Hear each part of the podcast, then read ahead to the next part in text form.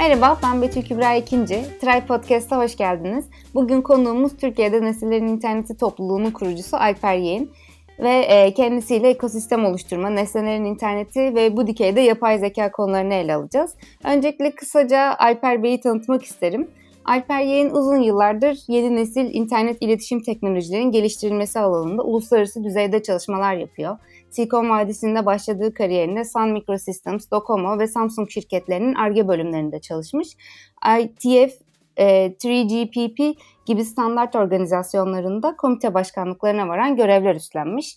IPv6 Mobile AP, e, IP, e, 4G, 5G gibi standartlara katkıda bulunmuş. Halen e, Fransa merkezli Xtility şirketinde ARGE direktörlüğünü uluslararası IoT Teknoloji İttifakı LoRa Alliance'da da yönetim kurulu başkan vekilliğini sürdürmekte ve e, Boğaziçi Üniversitesi'nde bilgisayar mühendisliği bölümünde IoT dersi veriyor. Alper Bey hoş geldiniz. Çok teşekkürler Betül Hanım, hoş bulduk. Ee, ben size ilk olarak IoT XDR'ın hikayesini sormak istiyorum. Nasıl kuruldu, neleri hedefliyor, neler yapıyorsunuz? Bir ekosistem, bir topluluk oluşturmak nasıl bir süreç oldu sizin için? Böyle bir misyonu neden üstlendiniz? Ekosistem oluşturmanın önemi nedir? Çok teşekkürler. Ee, uzun uzun süredir ben e, sizin de en başta beni e, tanıtımımda kullandığınız gibi e, iletişim teknoloji üzerine çalışıyorum. E, internet teknolojileri, telekomünikasyon teknolojileri. Son 10 senedir de direkt IoT alanına e, odaklandım. E, IoT alanının şöyle bir özelliği var. E, genelde bütün teknoloji alanları olduğu gibi bir ekosistem işi ama e, ciddi bir şekilde ekosistem bağımlılığı var. Yani hiçbir şirket tek başına bir IoT çözümünü hayata geçiremiyor. Mutlaka bir ekosistemin parçası olmak zorunda. Birçok başka bileşenlerle entegre olmak zorunda. Ee, bizim de Türkiye'de e, bu konuda çalışan birçok e, startup'ımız, şirketimiz var.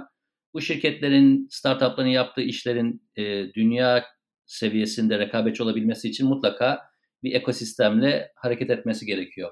Bu e, IoT Xtera'yı e, kurmamın e, ve daha sonra bir ekiple beraber geliştirmemizin sebebi de bu. Bizim bu topluluğun merkezinde yapmaya çalıştığımız bir bilgi, beceri ve kaynak paylaşım e, platformu oluşturmak. Tamamıyla gönüllü bir çalışma, 5 e, senelik bir çalışma. E, merkezimizde IoT startupları var. E, web sayfamız iotxtr.org'a giderse dinleyicilerimiz orada e, yüze yakın, Türkiye'deki yüze yakın IoT startup'ının e, listesini ve e, hangi alanlarda çalıştıklarının haritasını görebilir. Ağırlıklı olarak seminerler düzenliyoruz, atölyeler düzenliyoruz, IoT girişim ekosistem buluşmaları yapıyoruz. Akademi ile ortak çalışmalarımız var. Boğaziçi Üniversitesi'nde Profesör Arda Yurdakul ile beraber 3 senedir düzenlediğimiz bir IoT dersi var bilgisayar mühendisliği bölümünde e, seçmeli lisans dersi olarak. Benzeri şekilde MEF Üniversitesi ve İstanbul Teknik Üniversitesi ile de ortak çalışmalarımız var. E, İstanbul Teknik Üniversitesi'nde bir IoT e, test bedi e, kurma çalışmamız var. Burada da endüstri ve akademiyi bir araya getirecek e, bir e, yapı geliştiriyoruz. E, IoT alanında hem akademik araştırmanın hem endüstriyel araştırmanın gelişme bir araya gelmesi ve ortak çalışmaların yapılması için bir ortam. E, bu şekilde gelişen bir çalışmamız. E, LinkedIn'de bir grubumuz var. 3500 üyeye yakın e, bir e, grup bu. Nesnelerin internet topluluğu diye iletişim olarak bu grubu kullanıyoruz. Onun dışında da birçok e, e, etkinlikler yapıyoruz. Harika. Ee, bir de IoT XDR'ın girişim haritasında sizin de bahsetmiş olduğunuz burada yapay zeka teknolojilerini kullanan girişimler de var.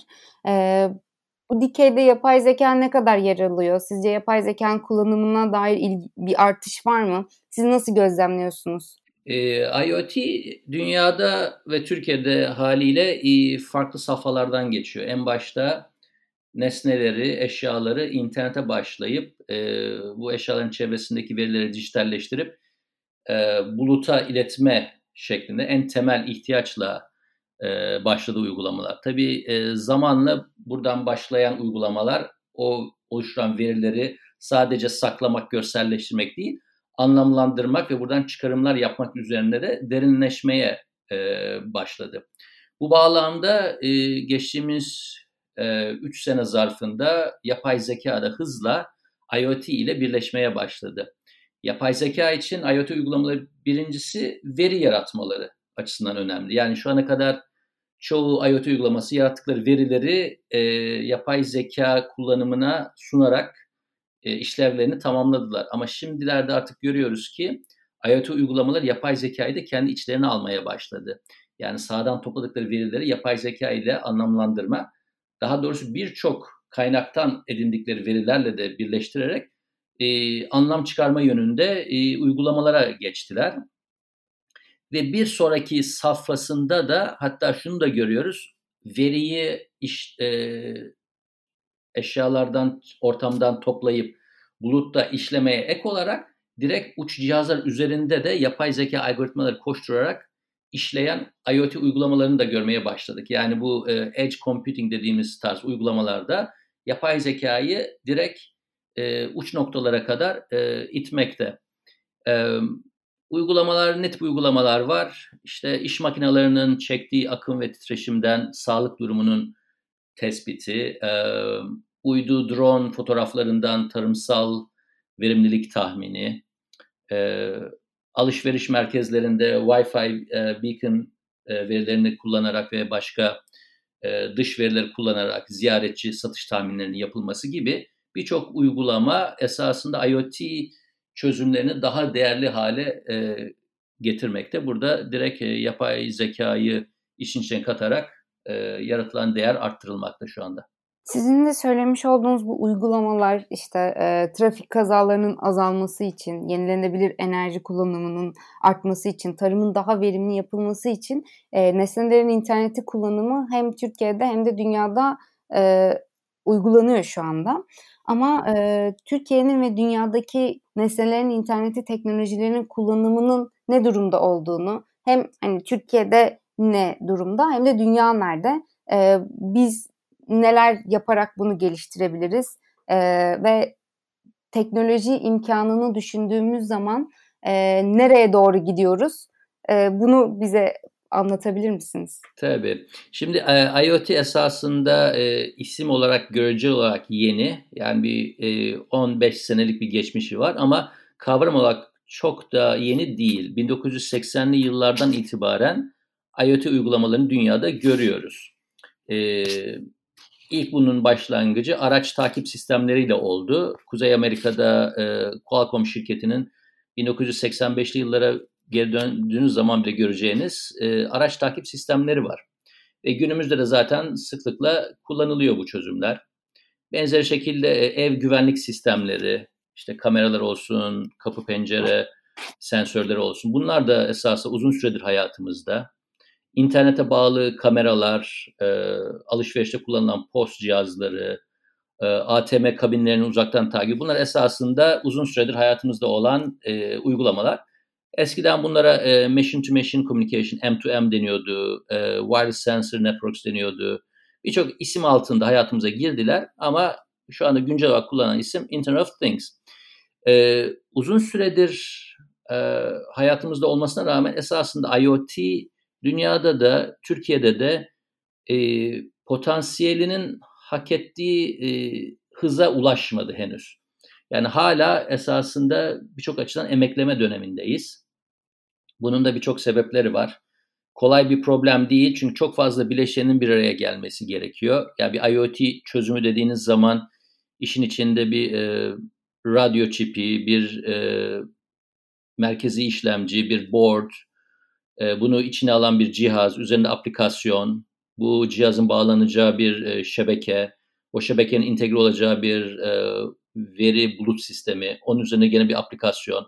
Bütün bunların da yapacak bir integratör gerekiyor ve çevresinde de iş modelinin oluşturulması gerekiyor. İşte bunların aynı anda e, yapılıp çalışması gerçekten zorlu bir problem. Yani önümüzde çok ciddi bir potansiyel var. Dijital dünyanın e, bütün hayatımızı saracak şekilde yaygınlaşması. Ama o onu çalışır hale getirmek ise oldukça güç. Bu yüzden de hala e, hızlı bir tırmanışı IoT dünyada da Türkiye'de de geçmedi. Yani e, yavaş bir artış gösteriyor. Ama birçok e, bu bahsettiğim problemlerin e, önümüzdeki 1-2 sene içinde anlamlı bir şekilde e, aşılmaya başlandığını göreceğiz ki e, e, bir tırmanışın başlayacağını e, bekliyoruz şu anda. E, burada tabii yapılması gereken her bir problemi tek tek ele alıp bütün bu bileşenlerini iyice irdeleyip açıkçası bir butik çalışma yapılması gerekiyor. Yani bir pazara, bir probleme yönelik derinlemesine bir çalışma yapılması gerekiyor. Böyle bir çalışma yapılmadan genel bir çözümün ortaya atılıp hadi bu şimdi milyarlarca cihaza yayılsın dendiği zaman bu şu anda gerçekleşmiyor. Hala ciddi bir e, emek sarf edilmesi gerekiyor e, her bir e, problem alan bazında. Ee, uygulanma noktasında e, problemler olduğunu söylediniz. Zaten genelde böyle akıllı şehirler gibi konuları da ele aldığımız zaman hep böyle e, proje bazlı olması ve e, birbiriyle alakalı olmasından dolayı sürdürülebilir olmaması tartışılıyor. Bu noktada da muhtemelen e, bir ürünün başka bir ürünle ya da işte bir eşyanın başka bir eşyayla e, iletişiminin kullanılması birazcık daha zaman alacak gibi duruyor. E, ama nesnelerin interneti konusunda yakın zamanlı trendler e, neler sizce? Hangi konular üstüne yoğunlaşılıyor? Siz bir iki sene içinde e, bu problemler aşılabilecek gibi dediniz. E, ama şu anda hani nasıl aşılacağını düşünüyorsunuz? Şu anki trendler, geleceğe dair e, trendler neler olacak? E, yani aşılacak derken tabii komple aşılacak, hepsi geride kalacak değil. O konuda e, anlamlı gelişmeler kaydedilecek. Bu da IoT'nin yaygınlaşmasını hızlandıracak anlamında e, söylemek istedim. E, şimdi burada e, şu anda üzerine yoğunlukla çalışılan, insanların dikkatini çeken ve anlamlı fark yaratacak teknolojik gelişmelerden bir tanesi az pil tüketerek çok geniş alana hizmet verebilen iletişim teknolojileri. İşte LoRaWAN ve Narrowband IoT gibi. Ee, IoT'nin yaygınlaşmasındaki temel problemlerden bir tanesi bu cihazları nasıl internete bağlayacak olduğumuz. İşte kapalı alanlarda e, Bluetooth, e, Wi-Fi gibi teknolojiler olmakla beraber açık alanlarda ancak GSM gibi teknolojileri kullanabiliyoruz. Bunların problemi ya uzağa sinyal veremiyorlar ya da uzağa sinyal verebilseler bile çok pil tüketiyorlar. E, halbuki IoT cihazlarının otonom olması gerekiyor. Yani bir pille e, 5-10 sene kadar e, hayatını sürdürebilmesi gerekiyor. İşte bu problemi çözmek üzere e, uluslararası sektörde, Türkiye'de de gene e, hızlanan bir çalışma. LoRaWAN ve Narrowband IoT gibi iletişim teknolojileri devreye giriyor. Burada bayağı bir hareketlilik var ve bunun e, kitlesel IoT, Massive IoT dediğimiz noktaya bizi yaklaştıracağını e, bekliyoruz. E, gene bu iletişimle ilgili e, uydu üzerinden IoT bağlantısı sağlama teknolojisi geliştiriliyor. Bu LEO Satellite dediğimiz e, alçak e, irtifada uçan uydular ki bunlar yeryüzünden 500 ile 700 kilometre yüksekte uçuyorlar. Bunlar üzerinden IoT cihazlara e, iletişim sağlanması çalışmaları hızlı bir şekilde devam ediyor. Tabii bu e, uzaya düşük maliyetle uydu yollanma e, ile mümkün olabilen bir gelişme. Yani bir teknolojik gelişme bir başka teknolojik gelişmeyi tetikliyor. Oradan da sonuçta IoT genel olarak faydalanacak. Çünkü e, erişilmesi zor olan yerlerde bile IoT uygulamanın yapılmasını e, mümkün kılan bir teknoloji olacak bu. Üçüncüsü de daha önce bahsettiğim gibi yapay zekanın e, devreye girmesiyle e, oluşturulan dijital verilerden çok daha büyük değerler yaratılması söz konusu. Bu da tekrar dönüp e, IoT'nin kalan kısmını ARGE tarafında fonlama açısından çok önemli.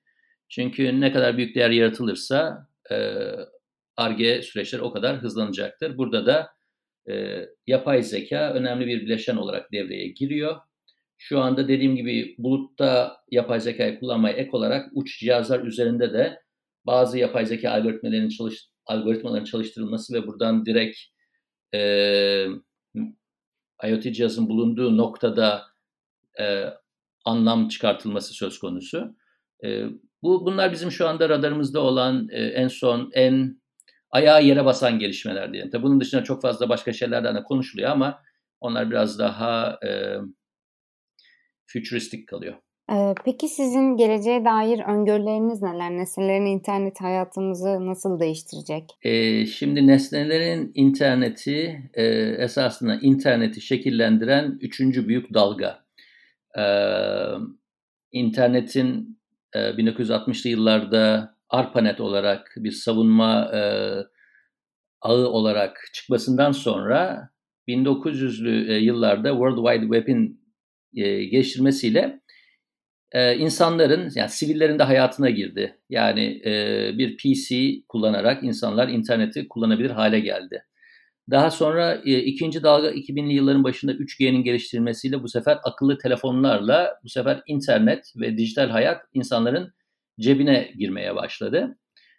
Şu anda son yani önümüzdeki elimizdeki son dalgada ise bu sefer interneti artık sadece PC'lere, akıllı telefonlara değil, hayatımızdaki her türlü nesneye dokunduracak e, bir adımı atıyoruz. Bunun olmasıyla beraber artık e, dijital e, dünya çevremizi komple saracak hale geliyor. Yani dijital dünya artık kaçınılmaz bir noktaya ulaşıyor.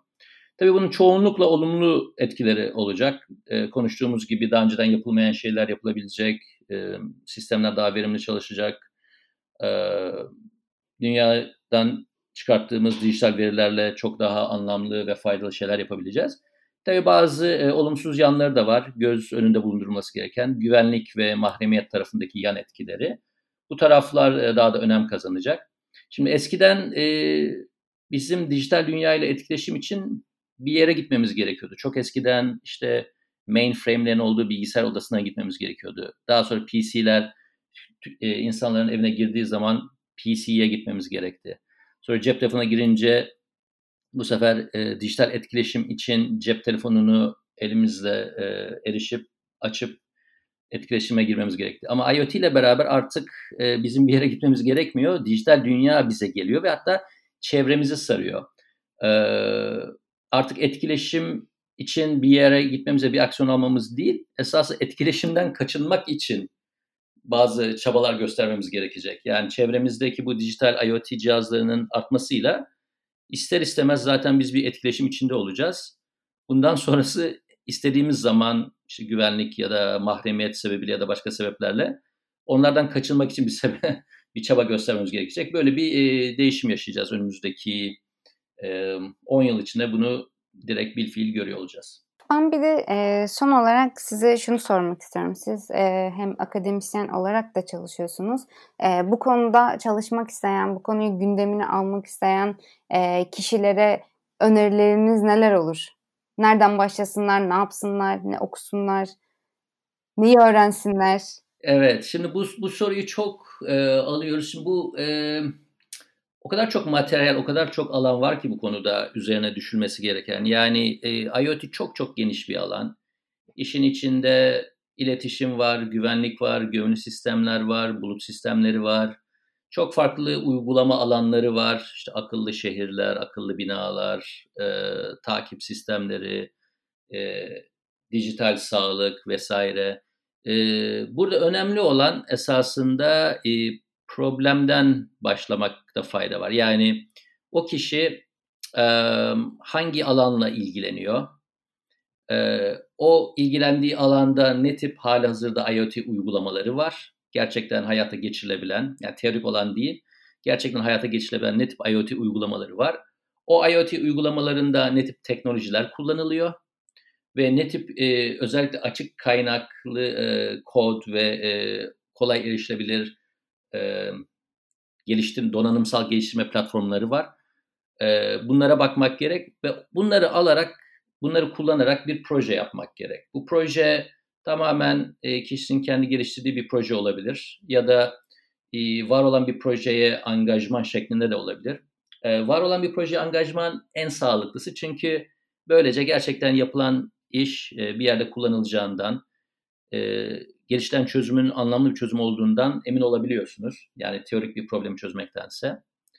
Ee, bu bizim iotxtr.org'da göreceğiniz yüze yakın e, IoT startup'ı var. Çok değişik alanlarda çalışıyorlar. Benim önerim bu konuyla ilgilenen kişilerin e, bu startuplarla e, irtibata geçmesi olur. Kendi e, ilgilendiği hatta tercihan e, tutku tutkulu oldukları alanda tespit edecekleri bir startupla irtibata geçerlerse e, onların projelerine bir şekilde katkıda bulunabilirler. Gönüllü olarak ya da başka bir angajmanla. E, yani günün sonunda demek istediğim e, kendi merak ettikleri alanda tercihen var olan bir problemin çözümü üzerine projeyle angaja olmaları en faydalısı olur. Yoksa birçok tabii okunacak kaynak var ama onları e, sadece okumak e, genelde çok e, verimli olmaz. Bir proje bazlı yaklaşmakta fayda var. Bu e, kişinin kendisini geliştirmesi için yapacağı çalışmaya. Alper Bey çok teşekkür ederim. Ee, çok keyifli bir sohbet oldu. Sizin başka eklemek istediğiniz bir şey olur mu? Ee, benim başka eklemek istediğim yok. Ben de size çok teşekkür etmek istiyorum Betül Hanım. Çok e, güzel bir e, sohbet oldu. E, sorularınız için de ayrıca teşekkür ederim. Ee, değerli konuğumuz Alper Yeğen'e tekrar çok teşekkür ederiz. Bir sonraki Try Podcast'te görüşmek üzere. Hoşçakalın.